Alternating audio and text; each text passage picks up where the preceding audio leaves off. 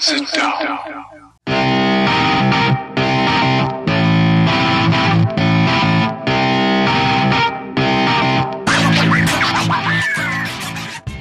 Witam wszystkich i każdego z osobna. Ja jestem Robert Kochan, a to jest Kochana NBA, najbardziej nieobiektywny podcast o najlepszej koszykarskiej lidze świata.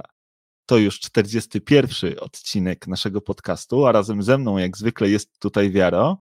Siema Wiaro, co tam u Ciebie słychać w te niedzielne popołudnie? Mm, Siema Robert, cześć wszystkim. A no wiesz, no niedzielne popołudnie to nie piątkowe popołudnie, e, także no, nie, nie aż takie fajne nastroje jak zazwyczaj. Plus słoneczko bardzo, bardzo, bardzo nam ostatnio przygrzewa. Mm, No ale cóż, no, u nas słoneczko grzeje, a, a, a w NBA nagrzewają słoneczka, więc pewnie sobie zaraz o tym pogadamy. Musimy też nadrobić trochę materiału, bo nie było nas w zeszłym tygodniu, także wiesz, no bierzmy się może do roboty, nie? No rzeczywiście trochę jest do nadrobienia. Też e, dzisiaj wyjątkowo nagrywamy w niedzielę, a nie w piątek. Wszystko przez to, że miałem przyjemność udać się wreszcie na, na zasłużony urlop po dwóch latach, e, kiedy go w ogóle nie miałem, więc e, no bardzo, bardzo przyjemnie spędzony czas. Przyznam ci się, że miałem okazję też pograć przez chwilę nawet w kosza dwóch na dwóch z naszymi e, jakby wspólnymi przyjaciółmi, e, więc, więc naprawdę bardzo fajnie. No a w NBA rzeczywiście się dzieje, słoneczka grzeją bardzo mocno, awansowały do finału chyba pierwszy raz od, nie wiem, od ponad dekady. Mm, My też rzeczywiście mamy sporo do nadrobienia, no bo, no bo jednak e, przez te dwa tygodnie, kiedy nie nagrywaliśmy, to sporo się wydarzyło. No a tu już po wczorajszym wieczorze okazuje się, że mamy pewną parę finałową, że Suns e, zmierzą się z Milwaukee Bucks e, w finale NBA. No ale zanim może przejdziemy e, do tego finału, to właśnie, to właśnie dotkniemy może troszkę tych e, zaległości, które, które się nam uzbierały i porozmawiamy o tych odpadkach, tak, z finałów konferencji. Em, Zaczniemy może od Los Angeles Clippers, co ty na to? No, Brzmi jak najbardziej fajnie. Nie wiem dlaczego mówisz odpadki o swojej drużynie. E, Tam akurat nie uważam, Padli. żeby to były odpadki. Ba- Bardziej chodziło mi o to, że bardziej chodziło mi o to, że po prostu drużyny, które, e, które odpadły. E, No, bo rzeczywiście e, dla mnie wreszcie w końcu skończył się ten piękny sen, który śniłem i który śniłem e, dłużej niż to kiedykolwiek e, było e, w całej historii naszej franczyzy. No bo Clips rzeczywiście awansowali do tych finałów konferencji po raz pierwszy w historii całej swojej franczyzy. I przyznam ci się szczerze, w obliczu tego, że grali bez kontuzjowanego Kałaja, w ogóle temat kontuzji to jest, to, to jest całkiem odrębny, wielki temat, bo to, co się dzieje z tymi kontuzjami w tym roku i to zwłaszcza tych najlepszych graczy, to rzeczywiście, tak jak już to rozmawialiśmy na ten temat e, ostatnio, to, to wygląda troszkę tak, że, że przetrwają ci najzdrowsi, tak? Ci, którym e, uda się nie złapać kontuzji, to, to właśnie oni, oni wygrają e, w tym sezonie tytuł. No i rzeczywiście Clippers bez tego Kałaja, no powiem ci szczerze, że byłem mocno zdziwiony tym, jak sobie radzili z Suns, jak walczyli i w ogóle jestem tak dumny z tej drużyny i z tego, co, co dokonała w tym roku, co, co jej udało się osiągnąć i jak grali, jak grali jeden za drugiego, jak potrafili, wiesz, kolejni gracze gdzieś tam e, z dalszych e, części składu dorosnąć do, do tego momentu, który, który gdzieś tam stanął na ich drodze, jak, jak młodziutki Terence Mann miał swój jakby wielki mecz e, numer 7 em, przeciwko Utah Jazz, jak potem Reggie Jackson czy, czy Marcus Morris potrafili stanąć na wysokości zadania, no i Paul George, który zagrał naprawdę fantastyczne playoffy, no i chyba troszkę zamknął e, usta krytykom i powiem Ci, że już nie słychać tak głośno tego Pandemic P, które, które tak było powtarzane po zeszłorocznych playoffach. A jak Tobie się Clippers podobali? No wiesz co, bardzo ładnie w ogóle pokazałeś e, różnicę w tym, jak e, no, obie nasze ukochane drużyny i moi, i moi Nuggets i twoi Clippers pożegnali się w tych playoffach i to grając przeciwko Suns, odprawili, odprawiły nas słoneczka do domu, wszystkich już na urlop, na wakacje nas wysłali. Natomiast no, jest ogromna różnica w porównaniu z tym, jak właśnie pożegnały się z tymi e, playoffami nasze drużyny. No bo tak jak ty właśnie absolutnie nie masz się tutaj czego wstydzić po swojej drużynie, myślę, że wręcz przeciwnie, pierwszy finał konferencji w historii e, tej drużyny, najlepszy jakby nie było wynik w historii waszej franczyzy, jaki kiedykolwiek udało wam się wykręcić. No i tak jak mówisz, no jednak bez Kawaja Leonarda w decydujących momentach tego sezonu mm, i tak pokazaliście klasę wielokrotnie w tym, w, tym, w tym sezonie właśnie w playoffach. Owszem, były takie momenty, kiedy e, w końcówkach meczu traciliście to zwycięstwo z ręki i się znowu wracały stare demony i wszyscy, wszyscy was skreślali, ale jak widać kompletnie niesłusznie, no wracaliście wielokrotnie już e, z tych dołków, z których myśl, wszyscy myśleli, że a, to już jest po Clippers, a to się już nic nie wydarzy, to już jest po serii. Mm, okazywało się, że, że nic bardziej właśnie mylnego, postawieni pod ścianą, postawieni na krawędzi, Clippers walczyli jeden za drugiego właśnie jako życie. Super się to oglądało, mm, super w ogóle fajnie, ja się bardzo cieszę, że, że, że właśnie Clippers pokazali się z takiej strony po tym, co się jakby, jak się pożegnali z playoffami w zeszłym roku. Bardzo się cieszę, że w tym roku jest y, zupełnie inaczej. No i tym bardziej, tym bardziej mnie osobiście doskwiera ta porażka z Sans y, pod kątem oczywiście mojej drużyny, no bo też liczyłem na to, że Nuggets nawet jeżeli przegrają z Sans, to właśnie po, po takiej ostrej walce, po takim twardym graniu, po walce jeden za drugiego, no a nie po prostu odpuszczając te mecze i tak naprawdę godząc się w pewien sposób z porażką mm, kompletnie bez sensu, kompletnie niefajnie i nieładnie i pozostawiając taki naprawdę niesmak. A tutaj myślę, że oczywiście, no tak jak mówisz, skończył się piękny sen. Każdy kibic, który mm, widzi swoją drużynę w finałach konferencji, na pewno chcąc, nie chcąc, myśli o tym, że już tylko krok do finałów, a z finałów już tylko krok, e, żeby wygrać e, to wszystko i faktycznie, żeby Larry O'Brien przyjechał w końcu do twojej drużyny więc y, zawsze to jest, zawsze takie odpadnięcie na tym etapie playoffów każdego kibica boli, ale myślę, że kibice Clippers absolutnie tutaj nie mają się czego wstydzić. Pokazali klasę, przegrali z zespołem, który był po prostu lepszy mm, w tej serii, no i zdrowszy. Tak jak mówimy, tutaj jednak kontuzje, tak jak mówisz, to jest zupełnie osobny temat, więc nie będę już się tutaj znęcał jakoś strasznie, pewnie jeszcze o tym pogadamy, a kontuzja Kawaja Lenarda to w ogóle jest jeszcze osobny temat, mm, o którym pewnie też warto wspomnieć. Mm, natomiast y, kończąc tutaj na temat Y, tego, jak mi się Clippers podobali w tej serii, y, no to tak jak mówię, no uważam, że, że super fajnie zagraliście. Wielki też szacunek dla coacha. Tylu jednak y, to jest no super fajny kombinator. To jest taki gość, który po prostu cały czas myśli i, i, i cały czas po prostu traktuje to wszystko na zasadzie one game at a time, nie? czyli jeden mecz, mm, myśli tylko o następnym meczu i o niczym innym. Nie? Nie, nie skupia się na tych wielkich politykach, nie skupia się na tym jakimś wielkim obrazie tego wszystkiego, po prostu chce wygrywać każdy mecz, w którym gra i podchodzi do tego bardzo indywidualnie i to się sprawdza, to widać, jak on właśnie dokonuje fajnych zmian w tej drużynie, jak zarządza choćby waszym wyjściowym składem, jak zarządza rotacjami, czy też zarządzał rotacjami tutaj podczas tych serii. Naprawdę fajne sposoby wymyślał na to, żeby w jakiś sposób y, rozmontować drużynę przeciwnika. Już to, co zrobił z Rudym Gobertem w serii z Utah, no to, to naprawdę ogromny szacunek dla coacha Lu, mm, więc myślę, że tutaj też y, tylko i wyłącznie się cieszyć, jeżeli chodzi o Clipsów. Coach y, Lu po raz kolejny pokazał, że naprawdę potrafi w playoffach a jakby nie było, to, to, to chodzi o to granie w playoffach, nie? To jednak tutaj są największe wygrane, tutaj są, tutaj są te największe sukcesy i tutaj jest ta gra o ta, ten, to, to trofeum Larego O'Briana, o które wszyscy się tutaj tak naprawdę bijemy. I, I widać, że w playoffach y, Tylu nie traci w żaden sposób głowy, wręcz przeciwnie, że dla niego takie serie w siedmiu meczach to jest tylko i wyłącznie możliwość pokazania, jak y, fajnym właśnie coachem jest, jak bardzo dobrze rozumie, dlaczego dana drużyna wygrywa, dlaczego dana drużyna przegrywa i jak to zmienić, jak na to wpłynąć, żeby te elementy, które są naszymi e, dla nas, dla nas e, jakby niedobre dla jego drużyny były gdzieś w tle i jak uwypuklić te, te rzeczy, na których można skorzystać mm, atakując drużynę przeciwnika, tak? Na różne sposoby i oczywiście w ofensywie i w defensywie. Także jestem pod ogromnym wrażeniem mm, Clippers. Pokazaliście kawał serca w, w tych playoffach. Także y, kapelusz z głowy. Ja e, akurat y, też y, tutaj się cieszę, że bo ja zawsze mówiłem, że w tej drużynie jest ogromny potencjał, zawsze to powtarzam, że jak oni tylko zaczną grać równo, to naprawdę są w stanie wygrać z każdym i cieszę się, że, że pokazali jednak właśnie to serce, pokazali tą wolę walki i, i że te wszystkie niedowiarki, nawet w ich własnych szeregach, musiały przełknąć taką dość mocno gorzką pigułkę w, w postaci klipsów bez kałaja, meldujących się w finałach konferencji, grających jak równy z równym z finalistą, a być może nawet mistrzem w, z tego roku, czyli Phoenix Suns. No wiesz co, e, Coach Lu e, to jest osobna historia, to jest fantastyczny generał, który jakby świetnie zarządzał tą drużyną, to jest w ogóle trener, który jeśli się nie mylę ma najlepszy wynik e, w całej historii ligi, jeżeli chodzi o te mecze, w których jego drużynie w playoffach grozi eliminacja. On tam ma naprawdę jakiś taki fantastyczny rekord pod tym względem.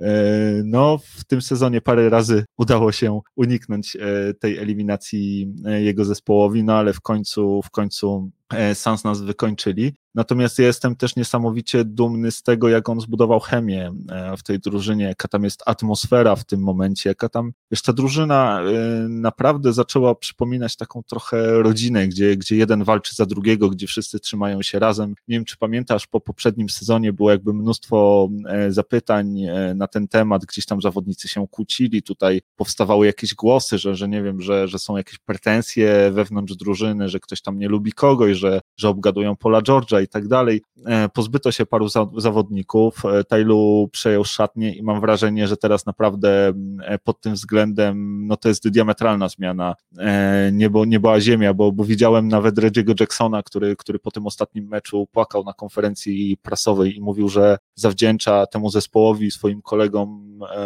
z zespołu tak naprawdę swoją karierę, że, że uratowali jego karierę, że uratowali mu troszkę, troszkę życie i że on jest jakby gotowy skoczyć za, nich, e, za nimi w ogień, więc e, no wydaje mi się, że pod tym względem e, bardzo, bardzo dużo się poprawiło. No powiem Ci, że ja naprawdę żałuję, bo, bo Sans byli do ogrania. Gdyby, gdyby ten Kałaj się nie kontuzjował, to gdyby mówiłem, Kałaj się nie kontuzjował, to, to mogli, moglibyśmy ich puknąć, albo gdybyśmy mieli nawet po prostu troszkę więcej szczęścia, nie? Bo E, bo były takie mecze też na wyjeździe, gdzie, gdzie mogliśmy wygrać, gdzie, gdzie przegraliśmy ten mecz, e, wygrywając 0,9 sekundy przed końcem, gdzie, gdzie tam Jay Crowder e, zagrał do, do DeAndre Aytona i, i udało im się wyrwać tam to zwycięstwo, tam Paul George jeszcze wcześniej nie trafił dwóch osobistych, mimo że w ogóle ta, ta ostatnia minuta akurat w tym meczu w jego wykonaniu była absolutnie niesamowita i to on właśnie doprowadził nas w ogóle do tego, że, że mieliśmy tam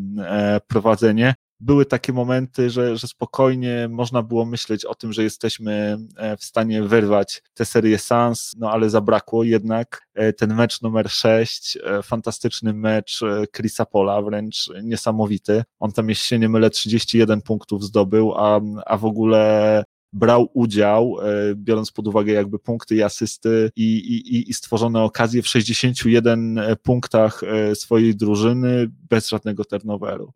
To był absolutnie fantastyczny mecz Chrisa Pola, pokazujący jakby dlaczego jest nazywany point guard i, i, i dlaczego E, dlaczego to miejsce w finale NBA mu się bardzo należy. On też był jakby po tym, po tym meczu, kiedy właśnie na tym, na tym parkiecie w Los Angeles, gdzie przez wiele lat grał z drużyną Clippers, kiedy przejął mikrofon też w taki bardzo emocjonalny sposób, e, opowiadał całą swoją historię, że te 16 lat, tyle operacji, tyle kontuzji, tyle, tyle jakby stłuczeń i, i tyle walki, i tyle wyrzeczeń i, i że w końcu, w końcu e, udało mu się osiągnąć ten finał no super, super jakby za to na to zapracował, e, bardzo, bardzo mi zaimponował e, grą, ale, ale podobnie całe, całe Phoenix, no bo grali naprawdę fantastycznie, wygrali zasłużenie, tak, masz rację, byli pewnie drużyną lepszą, natomiast no gdzieś tam zawsze będę sobie myślał, co by było gdyby, co by było gdyby ten Kałaj nie kontuzjował tego prawego kolana, bo moglibyśmy zagrać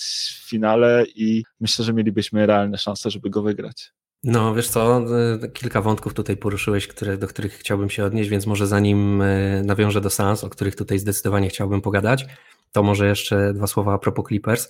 Wiesz co, to co mówisz a propos chemii, mm, z jednej strony tak, na pewno masz rację, z drugiej strony y, ja jestem daleki od tego, żeby wpadać w jakieś, wiesz, na jakieś wyżyny i, i w jakieś wielkie dołki. Clippers są bardzo taką właśnie emocjonalną drużyną, jak widać, zresztą żyjemy te, trochę w takich czasach, że, mm, że jednak ludzie jakby bardzo mocno mm, często się tym emocjom poddają. E, ja akurat na koszykówkę patrzę, staram się przynajmniej patrzeć tak trochę z dalsza i ja myślę, że jednak wygrywanie i, i, przegrywanie ma tutaj ogromne znaczenie. Wiesz, no dlaczego się też mówiło o tym, że jest beznadziejna chemia? No bo w beznadziejny sposób w zeszłym roku odpadliście, po czymś takim pozostaje niesmak, robią się właśnie jakieś zgrzyty, inne tego typu rzeczy. Być może nie ma w tym mm, ziarna prawdy, być może to jest po prostu wszystko wynikające tylko z tego, że właśnie przegrywanie generuje tego typu rzeczy, a wygrywanie znowu łagodzi te wszystkie spory, tak? Sprawia, że, że łatwiej zagryźć zęby i zrozumieć, dlaczego grasz 9 minut albo dlaczego nie grasz wcale w tym meczu, no bo chodzi o to, że drużyna wygrywa, ale wiesz, jak są takie sytuacje, kiedy trener podejmuje takie same decyzje, ale drużyna przegrywa, no to wtedy się pojawiają, a bo kurczę,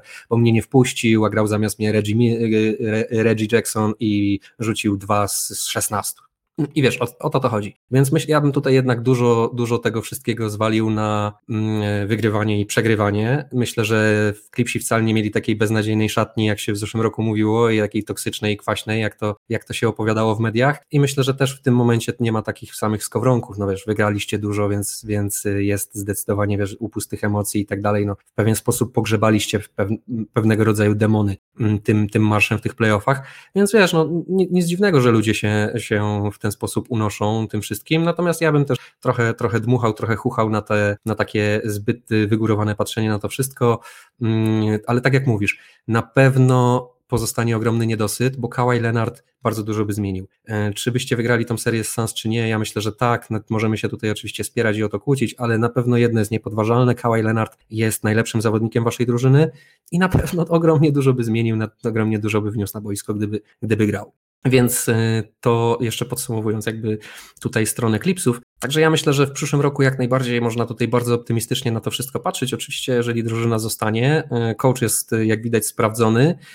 Też umówmy się, coach Lu nie ma jakiegoś CV, które się ciągnie przez nie wiadomo ile drużyn, nie wiadomo ile playoffowych serii, ale tak jak mówisz, w tych playoffach, w których miał okazję już grać i które miał okazję prowadzić, wychodził z dołków dość konkretnych, więc y, widać, że potrafi tą drużynę poukładać nawet wtedy, kiedy wszystko jest na ostrzu noża, a to jest skarb taki trener, także ja tutaj jak najbardziej się jakby zgadzam z tobą, też czuję e, taki, taki nie, nie, niedosyt. Ja też, dla mnie to też jest taki sezon zresztą, jak popatrzę sobie na Denver, bo ja też będę sobie zawsze zadawał pytanie, co by było, gdyby Jamal Murray się nie skontuzjował i jakby wyglądał wtedy sezon Denver e, Nuggets. Natomiast wracając może do Suns, e, to, to dwie rzeczy. Po pierwsze, tak, Suns byli drużyną lepszą i tak, Suns zasłużenie wygrali, zasłużenie meldują się w playoffach, natomiast nie zmienia to faktu, że Suns byli drużyną do ogrania. Ja to mówiłem już w, przy serii z Denver, że oni nie grają takiej koszykówki, że patrzysz na to i sobie myślisz, że tego się nie da zagrać, nie da się tego wygrać, nie da się tego ugrać. Oni po prostu, po prostu im wszystko leży, wszystko im siedzi, wszystko im wychodzi i mają trochę szczęścia w tym wszystkim. Ale to jest takie szczęście, które sprzyja lepszym, tak? To jest takie szczęście, które, które masz wrażenie, że jest jakaś taka magiczna chemia i taka magiczna aura wokół tej drużyny, że tam po prostu fajnie się to wszystko im układa, jak grają te mecze. No to co mówisz, bardzo zacięte nieraz końcówki z wami, choćby ten, ten e, alejub do, do Ejtona na, na sekundy przed końcem meczu. Mm, ale, ale wiele takich akcji jest, jak się, jak się to obserwuje. Też y, umówmy się, wielu zawodników, którzy aktualnie grają w Phoenix, y, ma swój sezon życia, taki Cameron Payne choćby, który, z którego, którego mi wytykałeś i ze mnie się śmiałeś, jak, nam, jak nas cisnął, a, a, a zobacz, co i wam zrobił. Nie? Także y, nie no, tutaj zasłużenie zdecydowanie Sans wygrali, bo ta drużyna naprawdę jest w gazie. Oni jakby, jakby był jakiś taki licznik, który może zmierzyć właśnie taką ogólną chemię drużyny, taką ogólną, wiesz, dobrze, do, dobrą budowę tego wszystkiego i to szczęście i te wszystkie takie rzeczy niemierzalne, to oni by byli prawdopodobnie na pierwszym miejscu w lidze, jeżeli o to chodzi, nie? w tym sezonie. Po prostu tej drużynie idzie, oni są w gazie i to wszystko działa i tam, tam, tam coś, coś naprawdę fajnie, fajnie pyka. No oczywiście nie umniejszając tutaj ani Chrisowi Polowi, ani Bookerowi, ani Aytonowi, no bo to oczywiście są naprawdę grajki z wysokiej półki, tak? Nie no, zdecydowanie Monty Williams e, zbudował tam fantastyczną atmosferę w tej drużynie i to nawet Chris Paul e, powtarzał w zasadzie na każdym kroku, podobnie Booker, że oni się wszyscy czują jak, jak jedna rodzina. Oni, oni razem gdzieś tam e, jedzą posiłki, spędzają razem czas również poza koszykówką i, i wszyscy się, się, się zawsze właśnie no, trzymają razem i jest jeden za drugiego, tak? E, niczym, niczym muszkieterowie z książki, każdy, każdy za każdego i no fantastycznie to właśnie pod tym względem atmosfery w tej drużynie wygląda. No oni są taką właśnie jedną e, wielką rodziną. O Sans jeszcze pewnie porozmawiamy, więc ja może tak jeszcze, żeby skończyć e, temat Clippers, to, to tutaj dwie rzeczy jeszcze chciałbym poruszyć. Pierwsza to, to taka, że e, no mam nadzieję, że, że ten dobry występ e, Clippers również po, po kontuzji właśnie Kałaja sprawi, że jednak Kałaj będzie chciał zostać z tą drużyną, że on uwierzy, że, że jest w stanie z nią osiągnąć wiele, że on uwierzy właśnie no jakby w tych pozostałych zawodników, którzy, którzy razem z nim tę drużynę stanowią i że jednak pozostanie z nami na dłużej, chociaż wiem, że już są e, spore zakusy, że, że zarówno e, Dallas, jak i, jak i Nowy Jork, jak i Miami bardzo ostrzą sobie zęby, no i zamierzają tego, tego Kałaja do siebie zapraszać i ostro o niego powalczyć. Natomiast e, no liczę, liczę właśnie, że Kałaj z nami zostanie, no ale nawet jeżeli nie daj Boże, zdecyduje się odejść, to powiem Ci, że po tym, co zobaczyłem, to, to i tak jestem e, dumny z tej drużyny i, i będę gdzieś tam pewnie, no może, może pełen optymizmu to, to za dużo powiedziane, bo wiesz, jak wygląda mój, e, mój optymizm, jeżeli chodzi o, o Clippers, pewnie wszyscy już, już wiecie, ja po prostu już no, mam ten zespół zespół stresu pourazowego, tak to się nazywa, tak? E, e, gdzie już tyle razy dowiedziałem się prawdy, że, że ciężko, ciężko wymazać te, te trudne chwile wszystkie e, z pamięci, natomiast no, ten, ten, ten sezon rzeczywiście był, te playoffy były dla mnie takim powiewem świeżości, takim momentem na, na złapanie oddechu i, i wreszcie poczucia dumy z tego zespołu, więc zobaczymy, co zrobi Kałaj. No a druga rzecz, ty wspominałeś właśnie o tych emocjach i, i tutaj nie sposób też wspomnieć że te emocje udzieliły się zwłaszcza Patowi Beverliemu, e, który no, e, bardzo nieciekawie zachował się w stosunku do Chrisa Pola, kiedy pod sam koniec meczu, kiedy już e, było wiadomo, że Phoenix ten mecz wygrają, obaj panowie przechodzili do siebie, Chris tam w swoim stylu rzucił parę słów Patowi Beverliemu, temu chyba pękła żyłka, odwrócił się, no i taki chip shot, popchnięcie z nienacka w plecy, takie no bardzo, bardzo e, niefajne zachowanie, dał się pad ponieść emocjom, popchnął Chrisa Pola, ten przewrócił się na parkiet. Na pewno będą za to poważne kary od NBA. Wydaje mi się, że NBA nie chce tego typu obrazków, zwłaszcza na takim etapie jak, jak finały konferencji, więc e, podejrzewam, że, że Pat e, dostanie jakby srogo po pupie za takie zachowanie właśnie. No a sam Pat Beverly też się gdzieś tam po meczu opanował, e, poszedł po rozum do głowy, no i rzeczywiście napisał e, do Chrisa Pola taką wiadomość e, z przeprosinami, z gratulacjami, że, że rzeczywiście ten moment go troszkę przerósł i że, i że te emocje się z niego wylały i że to, co zrobił, to nie było zbyt mądre i że życzy Chrisowi Polowi jak najlepiej.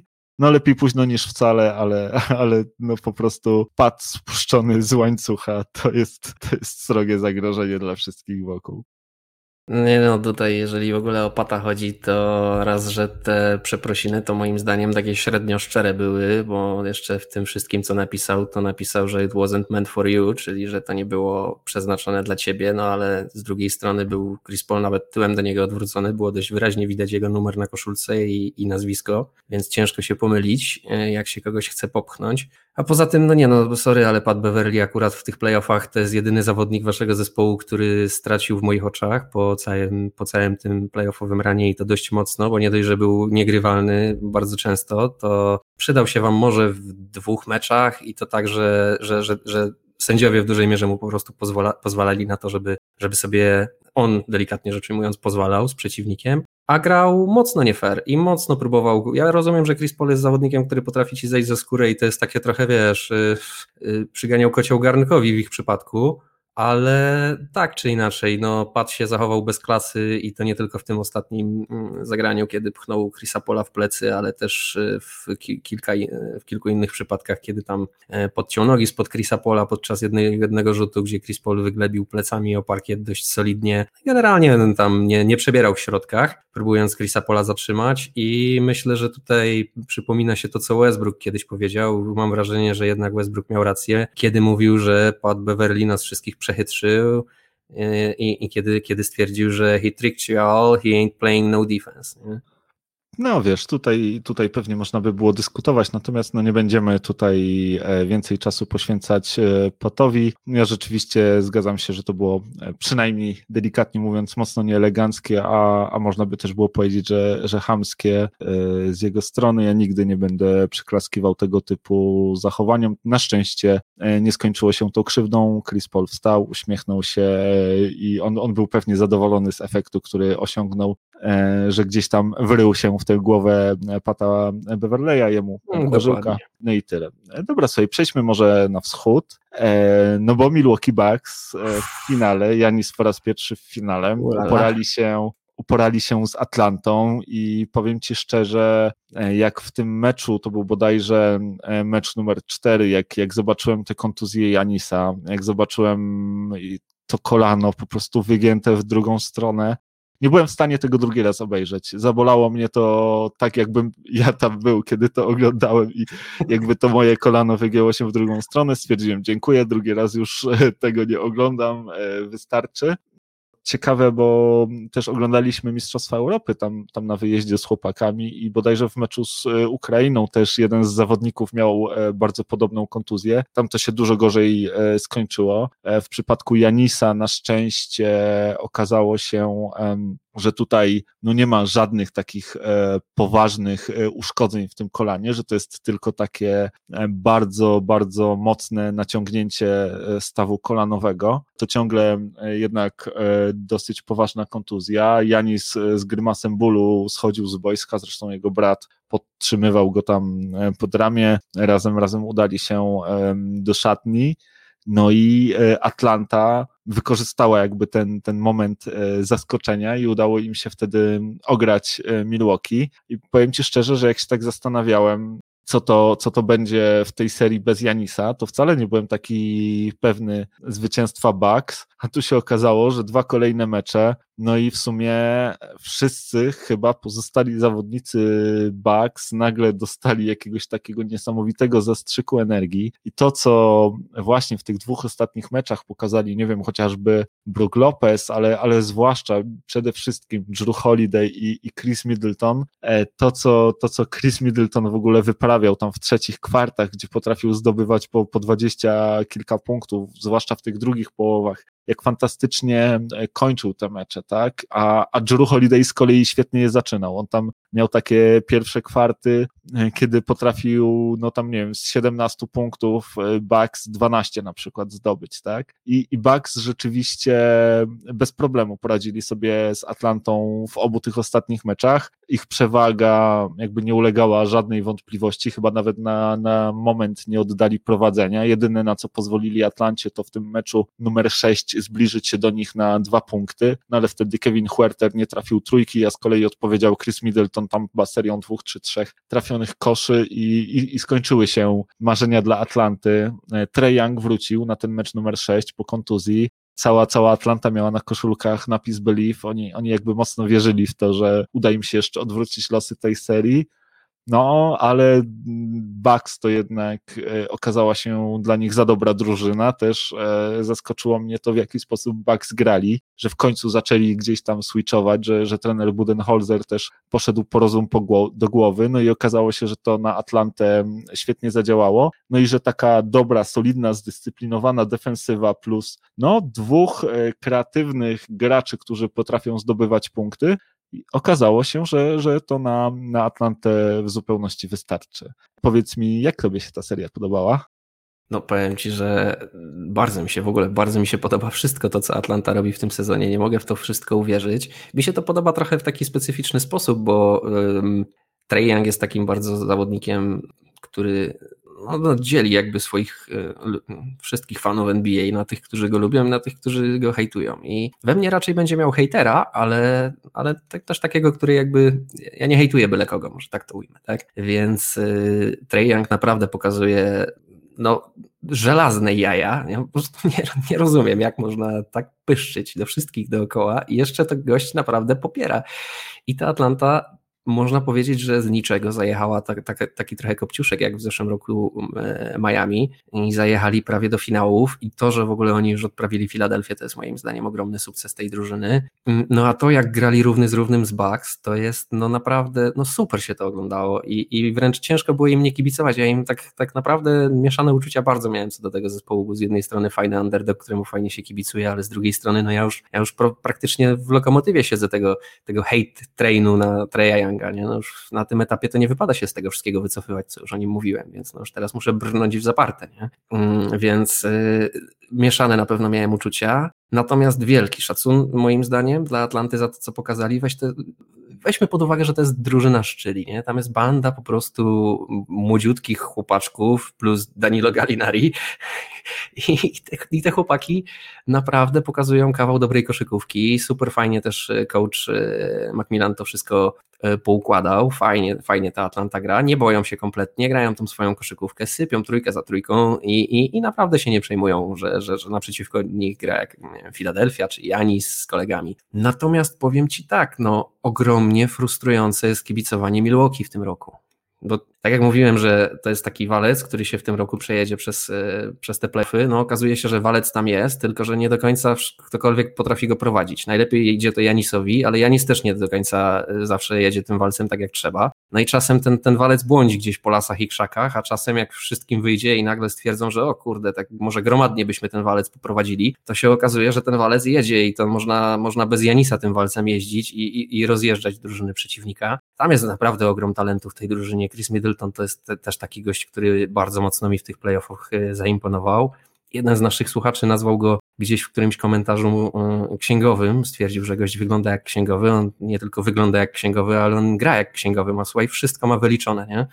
On naprawdę ma te ruchy tak tak precyzyjne. To jest, on Mikołaja trochę przypomina, tylko jest jakby bardziej trochę smooth, taki trochę, wiesz, nie, nie jest taki, taki robotycznie dynamiczny jak Kałaj, nie? On jest taki bardziej, bardziej taki jakby lazy trochę na boisku, nie? Ale jest naprawdę bardzo, bardzo fajny grajek. Tylko nie jest równy, no nie potrafi grać cały czas na tym samym równym poziomie, bo jakby potrafił grać na tym samym równym poziomie, a on potrafi na super poziom skoczyć, no to myślę, że on ma talent, żeby być, no ja wiem, no to, to tak trochę mi Pola George'a zaczyna przypominać, nie? Że, że, że to może być ta półka, jak on naprawdę gra na, na swoim poziomie. Ciężko w to uwierzyć, jak się tak patrzy na tego Chrisa Middletona z, w Milwaukee i myślisz, że w sumie no, no to tak, tak do dziś dnia, no Chris Middleton, serio, nie? A jednak, a jednak zaczyna mi naprawdę ten gość bardzo mocno imponować. No tylko tak samo jak całe Milwaukee, no jest nierówny, tak? Nie, nie, nie do końca potrafi ten walec prowadzić. Tak samo zresztą jak każdy z jego kolegów z drużyny. E, no i tak jak mówisz, no oni się tutaj musieli opierać na tym, że każdy gdzieś sięgnął głęboko do kieszeni i, i stwierdził, że kurde, no jak nikomu nie idzie, to może, to może, to może, to może ja spróbuję. No I, I Drew Holiday, i Brook Lopez się pokazał, i Chris Middleton się pokazał. E, także no tutaj wielkie propsy dla Milwaukee. To jest naprawdę dobra drużyna, jeżeli im idzie. Natomiast powiem Ci jedną ciekawą rzecz, którą ja zauważam w tych playoffach. Coach Bud jest do wymiany z całym szacunkiem dla tego coacha, ale on jest do wymiany. On po prostu tak wolno reaguje na pewne rzeczy, tak bezczelnie nie widzi niektórych rzeczy, upiera się przy jakichś takich. Y, no nie, no nie, nie jestem fanem. Naprawdę nie mogę, nie mogę się przekonać, mimo że to jest teoretycznie dobra szkoła, bo przecież to jest, o ile się nie mylę, gość z drzewa e, Grega Popowicza, tak? Ale, ale no, no nie mogę. No co, coś z jakiegoś powodu nie mogę się do, do, do, do, do coacha przekonać. No mimo, że wiesz, no jakby nic do niego osobiście nie, nie, mam, żeby nie było, nie? No ale, ale po prostu w tych playoffach y, i zresztą nie tylko w tych, wydaje mi się, że mm, jak, jakby kompletnie inaczej go odbieram niż, niż Tajalu, nie? który wydaje się być gościem, który kompletnie nie myśli o żadnych rzeczach związanych z czymkolwiek innym niż tym, żeby wygrać następny mecz. I jak to zrobić, żeby przy pomocy tych klocków, które mam w drużynie, zebrać taką kombinację i w taki sposób zaatakować, żeby rozbić to, co robi przeciwnik. Nie? Tutaj jest zupełnie inny jakby pomysł na to wszystko. Ja też czaję, że to ma być jechanie walcem, nie? więc pomysł jest walec, e, ale, ale no taka nie wiem, jakaś opieszałość tych wszystkich ruchów, które on podejmuje, jakieś takie upieranie się nieraz przy tym wszystkim, ale też jakieś nie wiem, no, no, mają super słabe momenty. No, zagrali parę beznadziejnych meczy w tych playoffach. No, strasznie frustrujące jest kibicowanie Bucks w tym, w tym sezonie. Jeszcze pewnie o nich pogadamy przy okazji finałów. Także tutaj, no ale kończąc, kończąc jakby wątek tej serii, Atlanta bardzo mi zaimponowała, dużo, dużo sobie ugrali w moich oczach. E, Bucks wręcz przeciwnie, nie jestem wcale taki przekonany, że, że ten walec e, jest w stanie jednak zajechać do mistrzostwa. Okej, okay. jakby widzę potencjał oczywiście, wciąż wierzę w ten walec, tylko czy znajdzie się tam jakiś dobry kierowca, który, który, który nie sprowadzi ich na manowce, no tego nie widzę do końca. Nie? O tym kierowcy, tak jak wspomniałeś, pewnie, pewnie zaraz porozmawiamy. Ja tu jeszcze e, dwie, dwie jakby rzeczy chciałem wspomnieć. Ty tutaj e, no troszkę nie zostawiłeś suchej niski na, na coachu Badzie. To jakby nie jesteś jedyny. Dużo, dużo osób jakby krytykuje go właśnie za te, za te rzeczy, które nazwałeś. Ja natomiast chciałbym wspomnieć, że to była troszkę dla niego taka seria zemsty e, przeciwko Atlancie, z której został zwolniony, tak, jakiś czas temu i, i tutaj razem e, ze swoim kolegą Jeffem Tigiem, który też był wtedy jego e, point guardem w Atlancie, udało im się e, odprawić zespół Hawks e, z playoffów, więc, więc oni akurat pierwsi awansowali do, do finałów konferencji, wtedy z Atlantą coachowi Badowi się to nie udało. Natomiast jeszcze jeżeli chodzi o Atlantę, no to rzeczywiście tutaj Trey Young no jest pyszczącym numer jeden i pewnie będzie pyszczącym numer jeden e, w lidze przez długie lata. Natomiast no, wydaje mi się, że przed zespołem Hawks e, świetlana przyszłość, że oni jeszcze tutaj wrócą. Że oni wrócą i że oni jeszcze się pewnie zameldują tak. e, w tym finale konferencji. Trey Young udowodnił wszystkim, bo chyba każdy gdzieś tam miał wątpliwości, czy czepiał się go, że ta jego gra nie będzie przekładać się na playoffy, że w playoffach on będzie bezlitośnie wykorzystywany właśnie ze względu na tą swoją grę obronną, że, że będzie być może nawet niegrywalny, tak? A tu się okazuje, że NBA się zmieniła, że, że teraz ci niscy gardzi, tacy bardzo szybcy, jeszcze do tego e, bardzo uzdolnieni są na wagę złota i to oni są e, najważniejszymi postaciami swojej drużyny. Natomiast e, Hawks nie samym Treyem Youngiem żyją, bo udało im się wokół tego Treya Younga zbudować naprawdę fantastyczną drużynę i to bardzo młodą drużynę niemalże na każdej pozycji, bo, bo tutaj e, oprócz właśnie Treya Younga jest jeszcze młodziutki Huerter, jest Cam Reddish, który znakomicie pokazał się w tym ostatnim meczu, rzucił 21 punktów i czasami wyglądał nie jak Cam Reddish, a jak, nie wiem, Scottie Pippen jakiś, czy, czy ktoś w tym stylu. E, absolutnie fantastycznie grał. E, jest DeAndre Hunter, jest e, Okongu, więc jest... Ale i Collins jest, jest młody. Tak, Collins, znaczy no z Collinsem zobaczymy, stary, co... Stary nie jest przecież. E, zgadza się, jest Bogdanowicz, który też jest, e, też jest młody, tak, I, i też e, na pozycji garda potrafi świetnie grać. Z Collinsem jak będzie zobaczymy, bo, bo teraz na pewno przed Hawks ważna decyzja, co, co z Collinsem zrobić. On teraz będzie wolnym agentem co prawda restricted, ale, ale Hawks muszą się zastanowić, czy będą w stanie zapłacić mu tyle, ile zaproponują e, pewnie inne zespoły, czy może lepiej na przykład z tego Collinsa zrezygnować i postawić na jakiegoś takiego weterana i zrobić ruch e, w stylu tego, który zrobiło Phoenix Suns przed tym sezonem, czyli, czyli właśnie postawienie na kogoś w stylu Chrisa Pola, tak? Jakiegoś takiego właśnie doświadczonego zawodnika, który będzie w stanie jeszcze ten zespół e, podnieść na wyższy poziom w którąkolwiek stronę nie pójdą Hawks, ta ich przyszłość wydaje się być no, w niesamowicie e, różowych barwach. Wydaje się, że, że, że będzie to po prostu przyszłość fantastyczna i powiem Ci tak szczerze, że jak patrzę na ten skład, to się zastanawiam, gdzie on jeszcze potrzebuje wzmocnień, jeżeli chodzi, wiadomo, każdy z tych zawodników musi się rozwinąć, musi jakby przejść na kolejne stopnie swojej kariery i wspiąć się na, na wyższy poziom umiejętności. Natomiast no, wydaje się, że oni, jeżeli chodzi o ten taki młody core zespołu, to są niemalże kompletni, tak? Ja, ja tutaj no, ciężko, ciężko jakby dostrzec e, miejsce, gdzie, które można by było e, wzmocnić, jeżeli chodzi na przykład o draft, tak? Że, że kogo, kogo tutaj teraz tak naprawdę szukać jak o tym myślałem, to, to y, zaczęło mi się wydawać, że, że może to be, powinien być ktoś na pozycji forwarda, bardzo, bardzo wysoki forward, który potrafi tworzyć sytuacje rzutowe i, i samemu bardzo dobrze rzucać. Ktoś taki w stylu, nie wiem, Galinariego, który w tym zespole jest bardzo przydatny, a tak jak już wspomniałeś, Galinari jest dziodem, bo chyba będzie niedługo 33 lata kończył więc jest już raczej na, na schyłku swojej kariery. On jeszcze ten sezon e, pogra z, zespołem z Atlanty, potem ten jego kontrakt już nie jest gwarantowany, więc e, wszystko wskazuje na to, że, że Hawks zrezygnują z jego usług, chociaż zobaczymy, jak, jak, jak będzie e, Gali, Galinari wyglądał. Natomiast no, jeśli miałbym gdzieś tutaj się właśnie zastanawiać nad tą przyszłością Hawks, gdzie ewentualnie takie wzmocnienia mogłyby, mogłyby się pojawić, to, to myślałbym właśnie o zawodniku w typie, w typie Galo. No tu pełna zgoda. Ja też właśnie myślałem o tym, że brakuje im takiego rasowego skrzydłowego. Być może Galo, być może ktoś taki jak y, Kawhi Leonard, tylko może nie aż y, tak dobry. Wiesz co, Hunter może się trochę rozwinąć w tę stronę. Y, on rzeczywiście, mało go widzieliśmy w tych playoffach przez kontuzję, natomiast jest to gracz bardzo utalentowany, który w tym sezonie pokazał, że potrafi naprawdę fajnie grać i potrafi być nie tylko e, dobrym takim lockdown defenderem, ale też e, naprawdę solidnie rzucać jest ciągle bardzo młody, więc jeżeli się rozwinie, to, to jest szansa, że on właśnie tego typu zawodnikiem się stanie. Nie no, tutaj pełna zgoda, tylko że no wiesz, no to jest wciąż e, skrzydłowych nigdy za wielu, nie? Dwóch takich skrzydłowych jak masz, jak e, Paul George i Kawhi Leonard, no to przecież nikt nie płacze, nie? To są praktycznie zawodnicy, którzy mogą grać wymiennie na swoich pozycjach i akurat ta, na tej pozycji można mieć dwóch zawodników takich i można śmiało nimi grać w jednym składzie. Nie, nie jest to na, konflikt jak, nie wiem, mieć Chrisa Pola i, i Stefa Kerego, no i ciężko ich zagrać dwóch, czy nie wiem, Damiena Lillarda i Stefa Kerego, no i ciężko ich zagrać dwóch w jednym zespole, mimo że bardzo byś chciał, nie? Mm, także tutaj zdecydowanie też bym się upatrywał w skrzydłowych po prostu. Być może, mówię, ktoś pokroju Kawhi Leonarda, być może ktoś na power forwarda właśnie, jeżeli Collins by, by odszedł.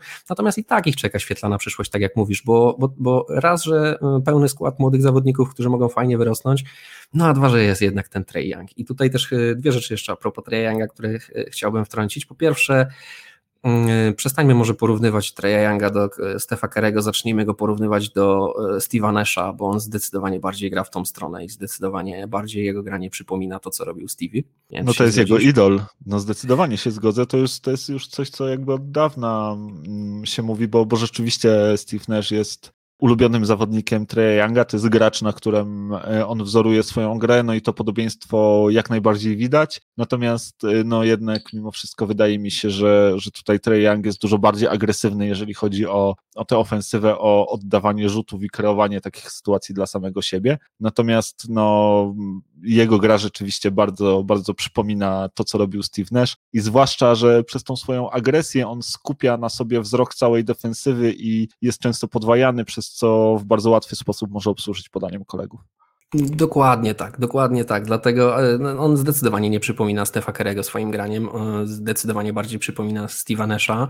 E, a druga rzecz, ten gość ma po prostu killer floater ten jego floater to po prostu siedzi z każdej praktycznie pozycji, gość go stosuje super często i to jest naprawdę zabójcza broń. Dla niego to jest praktycznie mid-range jump shot, nie? tam gdzie wszyscy praktycznie grali zazwyczaj e, po prostu na, na, na pół dystansie e, oddawali normalne rzuty na kosz, e, to on po prostu stosuje te swoje długie, wysokie floaterki i jest po prostu mistrzem w tym. No naprawdę nie mogę się nadziwić, jak mu to strasznie siedzi, a to jest naprawdę zabójcza broń w dzisiejszych czasach, bo to jest ten jeden moment, kiedy obrońca się jeszcze na ciebie nie skomitował, a zazwyczaj już po zasłonie jesteś pusty. Nie?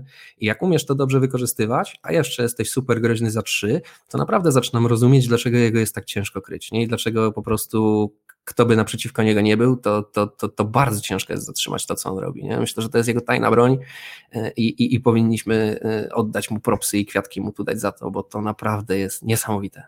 Wiesz co, to nie jest taka tajna broń, bo to jest coś, co on w zasadzie robi od początku swojej kariery. Zresztą też chyba rozmawialiśmy o tym w ostatnim podcaście. E, mm, on w całym sezonie zasadniczym zrobił tych floaterów chyba 280, tylko bodajże, nie wiem, 10 czy 15 zostało zablokowanych. To jest no, naprawdę niesamowita broń, bo, e, bo on e, tym jakby samym zagrożeniem tego floatera sprawia, że obrońca do niego podchodzi ten jeden, dwa kroki i wtedy e, zostawia jakby samego Clint'a Capelę pod koszem i, i, ten floater może się w bardzo łatwy sposób przerodzić w alejupa. E, Trey Young tutaj jakby do ostatniej chwili czeka z podjęciem decyzji właśnie, czy oddać rzut, czy obsłużyć e, alejupem właśnie Clint'a Capelę, czy innego z kolegów pod koszem, więc jest to naprawdę bardzo silna broń. Trey Young to robi no, z chirurgiczną wręcz precyzją. No i mamy jakby wielki powrót w ogóle floaterów. Myślę, że to będzie jeden e, z najważniejszych rzutów, jeżeli chodzi o gardów w przyszłości NBA, poza tym e, rzutem za trzy i to będzie coś, co, co będzie ćwiczył teraz każdy młody chłopak, który, który marzy o karierze koszykarskiej na, na najwyższym poziomie. Właśnie ten, no bo ten floater, e, kiedy go umiesz dobrze zrobić, to jest naprawdę bardzo efektywny rzut. No, nic dodać, nic ująć. No, wyjąłeś mi to wszystko dokładnie, co chciałem powiedzieć z ust. No, pięknie to podsumowałeś, dokładnie o to mi chodziło i dlatego właśnie chciałem nawiązać do tego killer crossovera Treya Younga. Trey Young może być y, porównywany, nie wiem czy aż do tego stopnia, ale na pewno, na pewno tak jak Steph Curry sprawił, że trójka jest takim rzutem po prostu, który się gdzieś tam odblokował i pokazał, jak, jak, że jak robisz to naprawdę dobrze, to to jest zabójcza broń no to podobnie myślę, że tutaj z, będzie z Treyem Youngiem i właśnie tym jego floaterkiem. On pokazuje dokładnie to, co mówisz, że, że to ci daje niesamowitą też decyzyjność i, i niesamowicie ci otwiera całą koszykówkę i sprawia, że bardzo, bardzo trudno cię zatrzymać. Samo to właśnie zagrożenie. Rzucisz tak parę razy, rzucisz tak y, regularnie, będziesz tak rzucał, y, będą wiedzieć, że, że, że tak potrafisz, będą wiedzieć, że jesteś zagrożeniem i będą musieli na to reagować. Wymuszasz y, ruch przeciwnika, żeby, żeby móc go skontrować, no i wtedy to ty decydujesz o tym, co się dzieje dalej. Jak twoi koledzy z drużyny dobrze to wszystko czytają, no to tak jak mówisz, kończy się to alejupami, czy innymi czystymi, fajnymi podaniami, e, a jeżeli przeciwnik się nie skomituje, no to to jest, to jest jak się to mówi, money, nie? To po prostu siedzi za każdym razem. No zdecydowanie tak. No ale dobra, słuchaj, no Hawks i Clips są już historią. przyszłość będzie należeć albo do Bucks, albo do Suns. Te dwie drużyny e, meldują się w finale NBA. Ten finał się zapowiada naprawdę bardzo, bardzo, bardzo ciekawie. Kolejna ciekawa rzecz, jakby związana z tym finałem, to to, że żaden z graczy występujących w nim nigdy nie zdobył mistrzostwa. Nie ma ani jednego mistrza, czy też byłego mistrza w żadnym z tych zespołów. Jest tylko jeden gracz w obu zespołach, który ma za sobą historię gry w finałach. To jest e, Jay Crowder, który w poprzednim sezonie razem z Miami się e, zameldował właśnie w finałach. Poza tym nikt inny e, w tym finale nie zagrał do tej pory więc dla wielu zawodników będzie to zupełnie nowe doświadczenie. Zobaczymy, jak sobie poradzi z tym e, młoda drużyna Sans. Natomiast no, sama perspektywa tego, że albo Chris Paul, albo Janis Antetokounmpo wzniosą na koniec trofeum Larego O'Briana do, do góry, to jest no coś, coś naprawdę niesamowitego i, i niebywałego. Każdy z tych graczy zasługuje na to jak najbardziej. Tutaj mamy Janisa, dwukrotnego MVP, który ma szansę właśnie wreszcie udowodnić i, i pokazać e, ten swój status. Z kolei z drugiej strony właśnie ten Chris Paul, który czekał na to 16 długich lat i który, jeżeli uda mu się wygrać ten tytuł, no wskoczy na pewno do top 5 e, najlepszych point guardów w historii ligi e, i będzie tam, tam na pewno wśród nich wymieniany, więc naprawdę bardzo fajna historia tutaj ja też tego Janisa nie na darmo wspominam, bo też y, ostatnio pojawiły się takie bardzo optymistyczne e, raporty na jego temat. E, między innymi e, jeden z reporterów Yahoo Sports wspominał o tym, że jeżeli dojdzie do meczu numer 7 z Hawks, to Janis otrzyma zielone światło na grę, więc to jest prawdopodobne, a może nawet bardzo prawdopodobne, że, że w tej serii Janisa zobaczymy a jeżeli zobaczymy, no to może się okazać, że będzie to game changer i że to będzie właśnie ten punkt zwrotny, punkt e, przełomowy, który sprawi, że e, Bucks te, ser te serię wygrają, chociaż z tego, co powiem Ci, co słyszałem, to jednak więcej osób chyba obstawia zwycięstwo Suns. Natomiast e, wszystkie predykcje, z którymi miałem okazję się zapoznać, zdają się sugerować, że będzie to długa, długa i ciekawa seria. No wiesz co, tutaj e, fajnie akurat zwróciłeś uwagę na, na pewną rzecz, e, o której chciałem powiedzieć, a mianowicie o tym, że ja na ten finał patrzę dwojako. E, jedna perspektywa to jest to, o czym ty tutaj wspomniałeś, czyli te narracje i historie, które wiążą się z graczami i drużynami, które w tym finale będą. Mm, Phoenix Suns i nie wygrało chyba nigdy pierścienia, jeżeli dobrze pamiętam, więc... Y, nie wygrają, nie wygrali. E, żadna, w ogóle żadna z tych drużyn, które zameldowały się już w finałach konferencji, nigdy nie zdobyła tytułu w erze jakby nowożytnego NBA, bo no zarówno właśnie, bo bodajże Bucks, jak i... Tak jak i. Hawks y, zdobyli te, te mistrzostwa jeszcze zanim NBA połączyła się z ABA, więc jakby w tej nowożytnej i historii ligi żaden z tych zespołów mistrzostwa e, nie zdobył, a Suns nigdy. No, no, no, właśnie, tak, tak, tak też mi się wydawało. Milwaukee tak czy inaczej przez nawet jakby liczyć tą erę, e, że tak powiem, nazwijmy ją starożytną, skoro teraz mamy nowożytną. Erę Jabara i Oscara Robertsona. Tak, no to, no to też y, mają jeden pierścień tak naprawdę na, na, w swojej historii, y, jakże długiej, bo Milwaukee akurat bardzo długą historię ma, więc dla wszystkich tych drużyn i tak jak mówisz tutaj i dla Chrisa Pola i dla Janisa Antetokounmpo to jest wyjątkowe, żeby wygrać pierścień. Na pewno tutaj są piękne historie i jakkolwiek by się to nie skończyło, to tutaj będziemy mieli właśnie jakieś takie piękne, wzruszające chwile związane z tym, e, z tymi zawodnikami zdobywającymi pierwszy e, pierścień w swojej karierze. No być może dla Chrisa Pola to jest ostatnia w ogóle szansa, więc będą jeszcze na pewno takie narracje z tym związane. Mm, także tutaj pod kątem takiej, e, tej takiej rozumianej powiedzmy telenoweli NBA, no to palce lizać. Narracje i historie tutaj są fantastyczne i wspaniałe i na pewno będzie mnóstwo, mnóstwo właśnie fajnych emocji, pewnie wzruszeń i innych tego typu rzeczy. Natomiast druga perspektywa i drugi aspekt, na który ja tutaj patrzę, no to jest ten stricte aspekt koszykarski. E, no i tutaj już tak różowo moim zdaniem nie jest, e, no bo ciężko też rozmawiać o tych finałach, nie wspominając o tym, o czym już wspomnieliśmy kilkukrotnie podczas tego podcastu, a i poprzedniego podcastu, a być może już od jakiegoś czasu o tym wspominamy, że ten sezon jednak jest naznaczony przez kontuzję i jest to troszkę pojedynek po prostu drużyn, które są najzdrowsze e, w tym momencie i nawet te drużyny nie uniknęły sytuacji, gdzie ich, ich, gwiazdy nie były w stanie grać. Wprawdzie tutaj Chris Paul nie był kontuzjowany, tylko miał te tutaj sytuacje związane z protokołami covidowymi. Natomiast no, on, złapał też, on złapał też kontuzję na samym początku jeszcze przeciwko tak, Lakersom, nie? Mhm.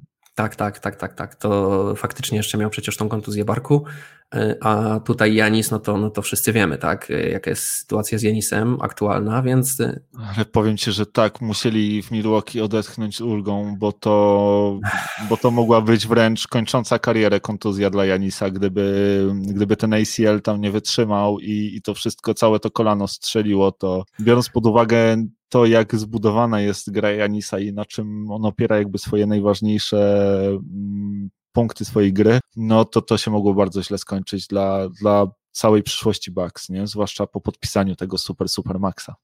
No, zdecydowanie, no całe szczęście, że Janis jest cyborgiem jednak i tak jak mówisz, no kolano wytrzymało w jakiś sposób to wszystko. Mm, także no, no, no, ja też odetchnąłem z ulgą, jakby nie było, bo to chyba nie jest żadną tajemnicą, że ja mocno Bucks kibicuję w tym sezonie natomiast, no tak jak mówisz tutaj y, y, i tak jak ja tutaj wspominałem wcześniej, no jednak jest to sezon naznaczony kontuzjami i ciężko nie, nie widzieć tego, jak mocno przetrzebione są wszystkie drużyny, które odpadły, no i też te drużyny, które się ostały, jak musiały się borykać też z kontuzjami, no i w przypadku Bucks do dziś się borykają, mm, więc y, ja myślę, że nie będziemy oglądać ładnej koszykówki, ja myślę, że to mogą być jedne z brzydszych finałów, jakie przyjdzie nam oglądać, myślę, że tak jak mówisz, ze względu też na to, że mamy praktycznie tutaj samych fina, fina, finałowych żółtodziobów. Nikt wcześniej w finałach nie miał okazji zagrać. To będzie sporo nerwów, będzie sporo takiej właśnie nieładnej, nieposkładanej koszykówki. Też Janis po tej kontuzji nie wiadomo w, jakim, w jakiej formie wróci do tego wszystkiego. No i też nie wiadomo, ile jeszcze zdrowia zostało Chrisowi Polowi tak naprawdę na, na, na takie szaleńcze granie. Devin Booker już y, w serii z Clippersami pokazał, że schodzi trochę na ziemię i jednak daje, dają mu też y, te playoffy w kość. Natomiast wszystko to suma summarum sprowadzi się do tego, że nie będziemy oglądać ładnej koszykówki, że będziemy właśnie oglądać taką koszykówkę niepoukładaną, nieskładną. Y, być może to będzie długa seria.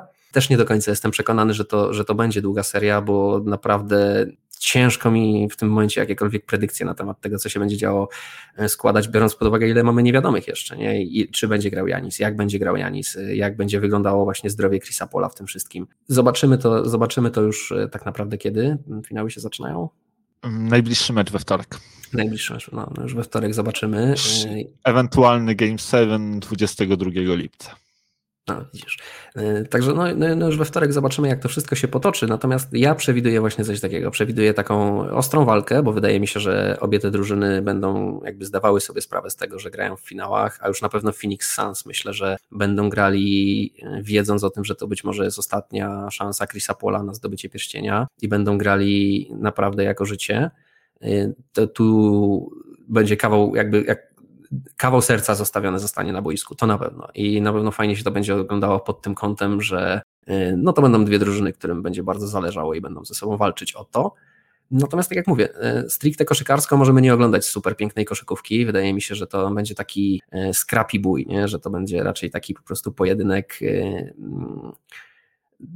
bardziej, bardziej tych, tych bardziej wytrwałych i tych, którzy, którzy zacisną zęby i, i wydrą po prostu to zwycięstwo tym drugim z ręki. Nie? I że to będą takie po prostu ciężkie boje. E, być może, na pewno to pójdzie do, do sześciu gier, być może do siedmiu. Tak jak mówię, nie wiem, czy to będą aż takie długie boje, bo widzę tutaj wygranie jak najbardziej 4-2 i, i, przez Phoenix i, i, i, przez Milwaukee jako, jako możliwość, to taką całkiem solidną, ale no, no nie jestem jakoś super napalony pod kątem e, koszykarskim na ten finał. Zdecydowanie bardziej myślę, że tu właśnie ten aspekt narracyjny będzie, będzie grał większą rolę i będziemy bardziej pod tym kątem na to wszystko patrzeć, bo e, same finały e, to jednak nie, tak jak mówisz, no i tak jak ja też wspominałem, Phoenix jest do ogrania jak najbardziej. To nie jest zespół behemoth, którego nie da się w tym momencie ograć, to prawdopodobnie nawet nie jest najlepszy zespół y, w lidze w tym sezonie. To jest na pewno najzdrowszy zespół i, najlepsza, i najlepszy zespół pod kątem zespołowości, tak? najlepsza drużyna y, w tym sezonie. Ale czy, czy gdyby choćby y, Nets, czy Lakers, czy Clippers, czy Nuggets byli wszyscy zdrowi, to czy Phoenix by też zameldowało się w finałach? Ja osobiście mocno w to wątpię. Wydaje mi się, że raczej e, nie, nie, nie dotrwaliby do tego etapu, że jednak mamy, mamy lepsze drużyny. Wiesz, na tej zasadzie, gdyby Nets byli zdrowi, to Bucks pewnie też by się nie zameldowali. Otóż to, ja też myślę dokładnie bardzo podobnie na temat drużyny Bucks, że drużyna Bucks też nie jest taką drużyną behemotem, która nie jest nie do ogrania i to ewidentnie pokazuje, że wiesz, że w tym, w tym roku wszystko u nich klika. Wręcz przeciwnie, oni jadą trochę na tym, że mają dużo, zawodni dużo utalentowanych zawodników i co nóż któryś wyskoczy, ale też takie mecze, w których wszystko klika, to może były ze dwa, może ze trzy w całych tych, tych, tych playoffach, więc też to jest drużyna, która ma pełno dziur i, i, i które można łatwo wykorzystać. I myślę, że właśnie takie drużyny jak Nets czy Philadelphia, gdyby były w pełni sił, w pełni zdrowe przez te playoffy, też sobie na pewno fani tych drużyn będą zadawali tak samo jak i my pytanie, co gdyby, bo wydaje mi się, że obie te drużyny były spokojnie do ogrania w tych playoffach, więc e, to jest e, dla mnie osobiście taki finał, e, że, że, że obserwujemy tutaj drużyny, które po prostu najzwyczajniej w świecie są najzdrowsze, tych najbardziej wytrwałych, tych, którym starczyło sił na to, żeby dojechać jak najdalej. Nie? Natomiast tak jak mówię, też pod kątem narracyjnym to będą wspaniałe playoffy, yy, wspaniałe finały. Bo tutaj i historia Janisa, i historia Chrisa Pola, to, to, to któraś z nich pięknie się skończy w tym roku, nie? No zdecydowanie, zdecydowanie. E, dla mnie, mm, przynajmniej jeżeli jak, jak ja patrzę na ten finał, to klucze do niego są jednak po stronie drużyny Bucks. To oni mają jakby klucze właśnie do, do, do wygrania tego finału, przynajmniej moim zdaniem. Natomiast e, są takie trzy punkty, które, no, które, które gdzieś tam pewnie muszą być spełnione, żeby to się stało, czy, czy też trzy niewiadome. Tą pierwszą niewiadomą to jest właśnie zdrowie Janisa. Zobaczymy, czy Janisowi uda się jakoś wrócić do tej serii. Jeżeli się nie uda, to na pewno będzie mocno e, działało na korzyść drużyny z Phoenix i ich szanse, jakby moim przynajmniej zdaniem, e, diametralnie rosną. E, druga rzecz to e, to, czy trener Budenholzer będzie w stanie rzeczywiście jakieś tutaj dostosowa dostosowania swojej gry do, do tego, co pokazuje przeciwnik, e, zrobić, bo na pewno będzie to wymagająca seria dla, dla niego. Tutaj e, po drugiej stronie będzie miał dwóch fantastycznych generałów. Pierwszy, pierwszy to Monty Williams, a drugi to Chris Paul. Jeden za linią, drugi na boisku. No i ten, który, który zwłaszcza będzie na boisku, będzie się starał jak najbardziej zatruć Y, życie trenerowi Badowi i e, zobaczymy, jak to będzie wyglądało, kiedy wiesz, kiedy DeAndre Ayton będzie stawiał pick and roll Chrisowi Polowi, czy Bucks wtedy będą switchować, czy, czy nagle się okaże, że przeciwko Chrisowi Polowi wychodzi Brook Lopez, e, który, który będzie tam jeździł na łyżwach i, i pewnie nie da sobie z Chrisem Polem rady, czy, czy tutaj będą właśnie jakieś, jakieś e, dostosowania po stronie Budenholzera i będziemy na przykład więcej widzieli PJ Atakera, a może, a może Bucks nie będą już switchować i, i to doprowadzi do tego, że, że Chris Paul będzie miał więcej sytuacji rzutowych. Bardzo, bardzo tutaj dużo zależy właśnie moim zdaniem od tego, jak zachowa się e, trener Budenholzer e, w obliczu tego, co go, co go czeka. No a trzecia rzecz to właśnie defensywa Bucks e, i to, jak poradzi sobie z tymi, z tymi dwoma gardami z Phoenix, tak? Tutaj akurat Bucks mają świetnego defensora w osobie Drew Holiday'a, no ale on jest tylko jeden, a, a trzeba będzie przykryć zarówno Chrisa Pola, jak i Devina Bookera. E, dotychczas w tym sezonie wyglądało to tak, że takim głównym obrońcą na Chrisie Polu był zawsze Drew Holiday, a głównym obrońcą na Bookerze był Chris Middleton. Natomiast no, nie wykluczam, że to, e, że to jakoś się zmieni i być może tutaj na, na Bookera zostanie rzucony e, PJ Tucker, który świetnie sobie radził z Kevinem Durantem. Zobaczymy, to na pewno będzie coś, co będę z dużym zaciekawieniem obserwował i co właśnie może mieć duży wpływ na ostateczny wynik tej serii. No tutaj pełna zgoda, to bardzo fajne rzeczy, na, na bardzo fajne rzeczy tutaj zwróciłeś uwagę. Właśnie meczapy, jeżeli chodzi o, o Phoenix kontra Bucks, jakbyś sobie tak rozpisał to wszystko na kartce, no to byś sobie pomyślał, że no tutaj zdecydowanie jeżeli chodzi o gardów, no to Phoenix ma przewagę, bo i Chris Paul jest lepszy od Drew Holiday'a, e, no i Devin Booker jest lepszy od Chrisa Middletona, mm, no ale później no to już e, zaczyna być bardzo różnie, no i o tyle, o ile też e, zapewne Ayton stanowi przewagę nad Brookiem Lopezem, to też jest lepszy zawodnik, a Jay Crowder no to jest y, porównywalny do PJ Atakera, no to umówmy się, że na Janisa nie mają żadnej odpowiedzi, tak? No i też w drugą stronę to działa trochę inaczej, no bo jak sobie popatrzysz na defensywę i to jak to kogo może zatrzymać, no to akurat robią się tu bardzo ciekawe sytuacje, bo tak jak mówisz, e, Bucks e, mają jednego elitarnego obrońcę na gardach, no ale mają PJ Tuckera. PJ Tucker jest bardzo wszechstronnym zawodnikiem, który z takim gościem jak Devin Booker, to sobie akurat myślę śmiało może poradzić. To są nie dość, że jego On gabaryty. jest jego wzrostu. No, no właśnie, to są nie dość, że jego gabaryty, no to, no to to jest świetny obrońca, jakby nie było, nie? A jak już sam wspomniałeś, on, on bardzo mocno uprzykrzał życie Kevinowi Durantowi, a umówmy się, Kevin Durant jest od Devina Bookera nie dość, że dużo lepszy, to jeszcze dużo większy, więc y, myślę, że ma jak najbardziej szansę utruć tutaj Devinowi bardzo mocno życie, i tak samo Drew Holiday Chrisowi Polowi będzie w stanie dużo zaszkodzić, a w drugą stronę no to już tak łatwo nie ma, no bo Chris Paul tak naprawdę to już nawet Drew Holidayowi niespecjalnie, niespecjalnie w defensywie zaszkodzi, a zresztą Drew Holiday to jest taki zawodnik, który nieraz sam siebie kryje w defensywie po prostu, nie? on się sam nieraz idzie, może spokojnie wykluczyć z ofensywy i zagrać 2 na 12, mimo że jest niekryty, także Drew Holiday to nie jest akurat opcja, na którą tutaj bardzo, bardzo jakoś Milwaukee liczy, Milwaukee przede wszystkim liczy na Janisa i na to, co Janis pokaże i na to, że Janis zrobi, zrobi różnicę, a cała reszta drużyny y, łącznie do kupy rzuci te powiedzmy 40 czy 50 punktów. No i, i, i, i tym sposobem są w stanie naprawdę gdzieś z Phoenix powalczyć, tak? No zobaczymy, zobaczymy tak naprawdę, co Janis będzie potrafił po tej kontuzji pokazać. No i tak jak mówisz, zobaczymy bardzo y, dużo będzie miał tutaj, bardzo duże znaczenie będzie miał pojedynek trenerów, a tutaj moim zdaniem zdecydowana przewaga jest po stronie Phoenix, nie? więc y, zobaczymy. No Phoenix tak jak mówię, Phoenix to jest drużyna, która ma najlepszą drużynowość w tym, w tym roku. Oni są świetnie skomponowani, mają dwie gwiazdy i, i mają kilku naprawdę dobrych zawodników, ale to jest drużyna do ogrania jeżeli Bucks zagra na miarę swoich możliwości i na miarę swojego potencjału, no to myślę, że tutaj spokojnie mogą e, Phoenix odprawić. Ale tak jak wspominałem, Bucks ma mnóstwo dziur, to jest drużyna na, na, na wskroś dziurawa, jak ser szwajcarski praktycznie, no bo tutaj gdzie byś nie popatrzył, to można się czegoś przyczepić. I coacha, i nawet Janisa się można przyczepić, i każdego jego kolegi się można przyczepić. Tak jak mówię, no, no Drew Holiday jest zawodnikiem, który nieraz potrafi sam siebie przykryć w meczu, no, no, i, no i tyle z niego masz pożytku, że jeszcze przynajmniej w defensywie pogoni, nie? no ale w ofensywie już się, już się sam przykrył, no i koniec. Także mm, też dziurawa drużyna, mm, też może się to śmiało skończyć 4-2 e, dla Phoenix. Bardzo ciężko moim zdaniem wyrokować e, w tych finałach. Ja osobiście e, sercem jestem z Bucks i dlatego będę im na pewno kibicował w tych finałach. Obstawiam, że, że, że jednak oni, oni zdobędą pierścień w tym roku. Natomiast jak Chris Paul zdobędzie pierścień, to, to nie będę absolutnie smutny, wręcz przeciwnie. Bardzo, bardzo miło mi się będzie oglądało, jak ten zawodnik odbiera puchar Larego O'Briana. No właśnie miałem Cię zapytać, kto, kto Twoim zdaniem e, wygra ten finał. E, no ale, ale e, już, już rozumiem, że, że wskazujesz jednak na Bucks. No ja chyba podobnie, też się, też się będę w tę stronę raczej skłaniał. Dobrze, słuchaj, na, na sam koniec, króciutko może chciałbym Cię zapytać, bo mieliśmy tutaj też przez te dwa tygodnie kilka ciekawych zatrudnień, jeżeli chodzi o trenerów.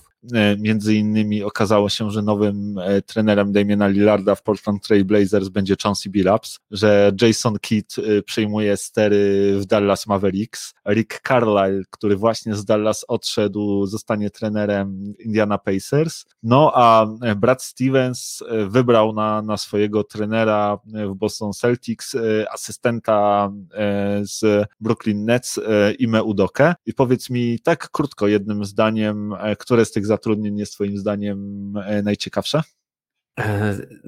najciekawsze. No, okej, okay jednym zdaniem. Najciekawsze moim zdaniem jest jednak Rick Carlow w e, Indianie. E, Rick Carlow, trener z najwyższej półki. Tak jak już wspominaliśmy w zeszłym roku, znaczy no, na początku tego roku, na początku tego sezonu, Indiana ma całkiem ciekawy skład, całkiem fajny potencjał. Zobaczymy, co się uda z, zbudować. E, I ja osobiście bardzo wielkim fanem jestem Ricka Carlow, także kibicuję i moim zdaniem jak najbardziej najciekawsze zatrudnienie tutaj. Okej, okay, e, moim zdaniem jednak Jason Kidd w Dallas Mavericks, e, w sensie według mojej opinii. E, jestem bardzo ciekaw tego, jak będzie wyglądała jego współpraca z Luką Donciciem, jak Doncic będzie się rozwijał pod okiem Kida, pod okiem jednego właśnie z takich najlepszych point guardów e, w całej historii ligi. E, zobaczymy właśnie czego, czego Jason go nauczy. E, I jestem bardzo, bardzo ciekaw tego, jak, jak właśnie to Dallas będzie grało w przyszłym sezonie. Dobrze, dziękuję Ci bardzo za, za ten odcinek. Dziękujemy Wam, że byliście z nami i dotrwaliście do tego momentu. Pamiętajcie, że w każdej chwili, w każdej sprawie możecie do nas napisać albo na e, kontakt małpka kochanenba.pl albo bezpośrednio na Facebooku. Czekamy tam na, na wiadomości od Was, piszcie do nas w każdej sprawie. Jesteśmy ciekawi, jak wy, co wy myślicie o tych finałach i jak one się e, skończą Waszym zdaniem. E, niedługo też e, będziemy mieć dla Was ciekawą, ciekawą rzecz do zakomunikowania, związaną jakby z nowym kanałem komunikacji, na którym będziemy się mogli spotkać i, i, i porozmawiać, bo ruszyliśmy już z takim właśnie kanałem na, na Discordzie. Pewnie niedługo jakoś wrzucimy Wam link, więc zapraszamy już od razu, już teraz. No a co, a tymczasem e, dziękujemy Wam. Bardzo miło było e, znowu móc do Was mówić po, po tych dwóch tygodniach przerwy. No i mamy nadzieję, że słyszymy się już e, niedługo, bo, bo w najbliższy piątek za pięć dni porozmawiamy no, o tych pierwszych finałowych meczach. Także dziękujemy Wam raz jeszcze, że byliście z nami, no i życzymy Wam miłego, spokojnego i obfitującego w emocje tygodnia. No, nic dodać, nic ująć. Wbijajcie na Discorda, pogadamy sobie, jeżeli można to nazwać, e, w cztery oczy, czy też ile tam oczu nas się zbierze. Trzymajcie się cieplutko i do usłyszenia za tydzień. Cześć. Do usłyszenia, hej.